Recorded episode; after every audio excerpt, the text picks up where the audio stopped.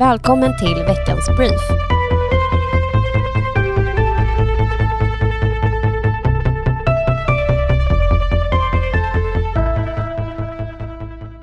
Stockholms stad ska få en ny kajstrategi. Det handlar om att utveckla kajerna med fler kaféer, restauranger, bad, utomhusgym och platser för kultur. Det här för att ta vara på den tillgång som Stockholms kajer och stränder är. En rolig detalj är också att gymnasieungdomar har fått komma med förslag om hur utvecklingen kan se ut. Totalt rör det sig om 23 kajer, bland annat Norrmälarstrand och Nybroviken. I veckan tillsätter regeringen en ny utredning för att ta nästa steg i nedläggningen av Bromma. Med oss för att prata mer om det här och vad utredningen handlar om är Maria Stockhaus, trafikpolitisk talesperson för Moderaterna. Tack så mycket.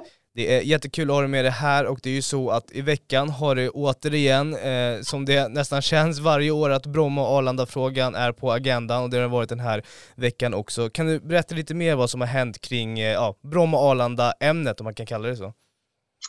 Eh, ja, det är väl i onsdag så hade eh, infrastrukturministern en presskonferens och presenterade ytterligare en utredning om eh, Arlanda. Eh, det har funnits flera, eh, inte minst Arlandarådet som aldrig fick presentera sin slutrapport. Eh, men här skulle man då, har man utsett Peter Norman som tidigare var finansmarknadsminister i, i alliansregeringen till att utreda hur Arlanda, liksom, en, en, göra en plan för utvecklingen av Arlanda med fokus på att säkra flygplatskapacitet i Stockholmsområdet. Eh, och hela presskonferensen var ju, om man tittar i direktiven så, så är det mycket fokus på, på Arlanda men tydlig, tydlig koppling till den tidigare utredningen om en förtida stängning av Bromma. Och hela presskonferensen kändes som att den handlade mer om möjligheten att stänga Bromma än, än liksom möjlig, eller de möjligheter som finns i att mm. utveckla Arlanda. Mm. Förväntar du dig en, en eh, sån här utredning? Nej, alltså jag är, vi var ju väldigt förvånade över regeringens agerande i och med att Ulf eh, för några veckor sedan var ute och sträckte ut en hand och sa att det finns frågor som är viktiga långsiktigt för Sverige där vi skulle kunna sätta oss ner med Socialdemokraterna och faktiskt hitta lösningar. Eh, och det gällde det här med hur man kan förenkla med miljötillstånd och eh, regelförenkling när det gäller olika tillstånd. Det var en del och den andra delen var utvecklingen av Arlanda där, där Ulf var tydlig med att här finns det möjligheter för oss att komma överens i och med att Socialdemokraterna inte längre är liksom hår, lika hårt knutna till Miljöpartiet. Och där har Socialdemokraterna spelat med att, att vi ska ha förhandlingar ända fram tills i onsdags när de två timmar innan ringer och säger att nu kommer vi att tillsätta den här utredningen. Eh, så ur det perspektivet så, så blev vi lite förvånade över agerandet och det känns ju som att det är mer valtaktik än, än ett intresse för att hitta en långsiktig lösning. Mm, mm. Ja, det är mycket intressant, men jag tänker om du fick eh, bestämma fritt då, vilken långsiktig lösning hade du velat se? Är det ett, en överenskommelse mellan eh, Socialdemokraterna och Moderaterna som är liksom den långsiktiga lösningen och vägen framåt i den här frågan? Alltså vilka partier som ska komma överens, eh, det, det låter jag vara osagt, eh, men jag tycker att det är viktigt att vi hittar, alltså att det, att det fattas beslut om en utveckling av Arlanda. För att vi ser ju väldigt tydligt, nu har pandemin naturligtvis påverkat flyget jättemycket, men även innan dess så förlorade vi ju ganska många lång, flygningar, alltså långlinjer, direktlinjer ut i världen till Kastrup framför allt. För där har man gjort ganska stora satsningar på att modernisera den flygplatsen, se till att det funkar med kommunikation till och från flygplatsen. Eh, alltså det, det, är en helt annan upplevelse för er som har varit ute och flugit att, att flyga från Arlanda och, och eh, flyg, flyga till, liksom, om man mellanlandar i Kastrup. Och där har ju Arlanda kommit efter och det har funnits liksom utredningar och som sagt Arlandarådet, men man har liksom aldrig kommit till skott. Mm. Eh, så det är verkligen, jag, Eh, det är så pass viktigt för Sverige och svensk tillväxt och utveckling att vi har en flygplats med, med direktlinjer. Vi ligger liksom lite off i norra Europa. Vi behöver ha bra, bra kommunikationer. Så att jag hade hoppats att man hade kunnat hitta en långsiktig lösning med, där vi liksom får bollen i rullning när det gäller nya miljötillstånd och, och inte minst eh, infrastruktur till och från Arlanda. Mm, mm. Ja, det är mycket intressant och nu är det så här att Miljöpartiet lämnade ju regeringen här under ja, superonsdagen som var innan årsskiftet och eh, det känns ju som att Socialdemokraterna kanske blir lite mer ödmjukare i frågan kring Ja men en utbyggnad av Arlanda och inte bara en nedstängning av Bromma i förtid och inte bygga ut Arlanda. Jag tror att den här rapporten eh, skulle tillsättas om, eller den här utredningen skulle tillsättas om inte, eh, eh om, eller om Miljöpartiet var kvar i regeringen. Nej, det hade det inte gjort. Eh, det är väldigt tydligt nu när man tittar på infrastrukturområdet att eh, eh, Miljöpartiet har haft oerhört stort inflytande på liksom regeringens politik på det här området. Det gäller både när det gäller den infrastrukturplan som är framtagen, eller förslaget till infrastrukturplan som är framtagen, men det gäller ju framför allt inställningen till flyget. Alltså man ser det både när det gäller hur nu, nu den här en ren socialdemokratisk regering eh, är ju beredd att, att lämna krisstöd till flyg, regionala flygplatser i södra Sverige, någonting som Miljöpartiet la in sitt veto emot. Och, eh, de hade aldrig godkänt en, en, utredning som gick ut på att öka kapaciteten på Arlanda. Mm. Tror du att eh, Bromma och Arlanda-frågan kan bli en viktig valfråga för Stockholmsregionen här om åtta månader ungefär?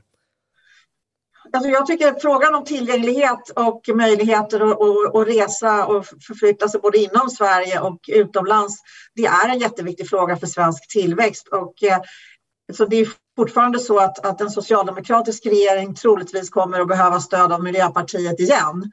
Och där finns det en helt om man säger, den är in, en icke-rationell känslomässig hat egentligen mot flyget hos Miljöpartiet som gör att de Eh, inte agerar rationellt och inte, inte verkar se den omställning som faktiskt flyget också eh, genomgår just nu mot, mot, mot fossilfrihet.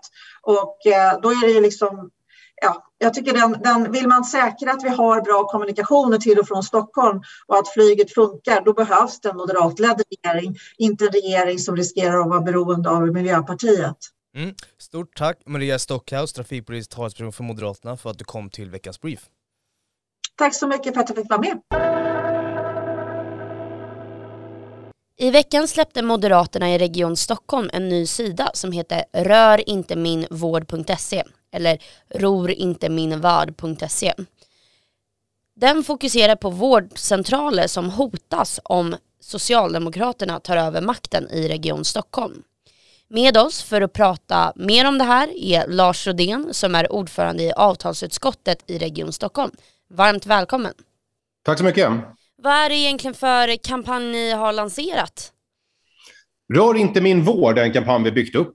Eh, det är en viktig fråga för oss moderater som har jobbat väldigt hårt på att bygga upp en vård i Stockholm som bygger på att man ska kunna välja sin vårdgivare.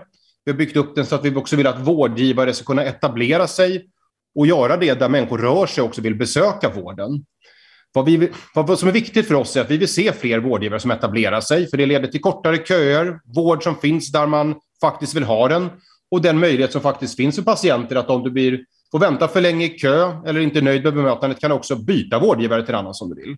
Det handlar om vård på patienternas villkor och det här är någonting som vi har en ständig debatt med Socialdemokraterna om som vill riva ner många av de vårdval som vi har byggt upp. Och därför har vi startat den här kampanjen för att synliggöra den politiska skillnaden helt enkelt som finns i sjukvårdsfrågorna. Men hur kommer det sig att ni har lanserat den här kampanjen nu? Har inte den här konflikten alltid funnits mellan Moderaterna och Socialdemokraterna? Jo, Socialdemokraterna har ju alltid motsatt sig de här valfrihetssystemen. Och man kan konstatera också att tonen har ju också hårdnat successivt kring just vinster i välfärden och Magdalena Andersson inledde ju sin partiledarskap med att prata om detta med kontroll över välfärden. Så att de riktar ju udden mot de här systemen väldigt hårt just nu. Den här veckan så har vi haft en ganska hård debatt i samband med vår sjukvårdsnämnd där Socialdemokraterna går fram med att riva ner egentligen alla de vårdområden som riktar sig till just äldre. Det är sjukvård i hemmet som är en väldigt viktig sak för att kunna ge en värdig vård i sin hemmiljö istället för på sjukhus. Det handlar om den palliativa vården som riktar sig till att man ska kunna få ett värdigt avslut på sitt liv också med den palliativa vården. Och det här är vårdområden där vi ändå ger patienter ett självbestämmande, där det finns flera väldigt duktiga vårdgivare som ger vård på deras egna villkor med en stark, viktig kompetens i vårt vårdsystem, som alla nu hotas av nedläggning för de ska göra det på sitt eget sätt i egen regi istället. Ett ganska stort vänsterexperiment väntar ju vid ett maktskifte när de ska göra om allting till egen regi på väldigt viktiga vårdområden. Och framförallt de äldre är vi väldigt oroliga för att man ska, göra, eh, man ska riva ner väldigt viktiga och väl fungerande strukturer. Verkligen, det låter oroande. Men okej, säg då, ponera att eh, Socialdemokraterna vinner valet i Region Stockholm nu i höst. Vad skulle det innebära egentligen? Konkret är det ju 11 sådana här vårdval som man vill riva ner. Det är gynekologi. Eh, det handlar bland annat om vårdvalet för förlossning där en av våra vårdgivare, BB Stockholm, som är väldigt populär, verkar inom det. Det är hela strukturen som de får finnas kring. Väldigt många centrala vårdvalsområden kommer att riva ner och det blir en stor karusell där man ska bara flytta över detta i egen regi istället som, som är väldigt skadligt för vårdsystemet i stort. Men sen är det klart den stora oron ligger också i att det här är ett parti som ska stödja sig på Vänsterpartiet som egentligen vill förbjuda all privat vård och riva ner alla de här vårdvalen. Så vart det tar vägen, det vet vi ju inte. Men det kommer ju riktas udden mot de här stora valfrihetssystemen. Och det är de vårdgivare som finns nära där människor bor, som man idag använder och väljer, är ju hotade av nedläggning om de får som de vill. Och det är därför den här kampanjen är viktig att också synliggöra att det är din mottagning som ligger nära dig som är hotad ifall vi får ett maktskifte. Ja, och vad är det ni vill göra istället då?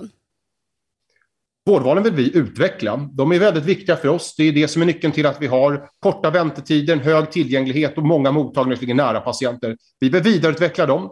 Det finns mycket kvar att göra med att stärka de vårdområdena och utveckla tjänsterna mer. Vi jobbar ju bland annat med det här med obstetriskt ultraljud som det heter, där man hjälper gravida kvinnor att få en bra fosterdiagnostik och stöd under graviditeten. Det är ju en vårdvalsområde som vi bygger ut, och vill utveckla mer. Nu till exempel kan man få det som kallas för ett kubbtest, det tidigaste provet man gör när man är gravid. Det kommer att erbjudas alla kvinnor istället. Så det handlar om att utveckla de här systemen för att utöka servicen till medborgarna, inte riva ner dem. Du, stort tack för att du var med och förklarade det här. Stort tack. Om du vill läsa mer om kampanjen så kan du gå in på rörinteminvård.se och se vilken mottagning som är hotad nära dig. Veckans Brief är tillbaka varje fredag klockan 07.00 för att ge dig veckans toppnyheter.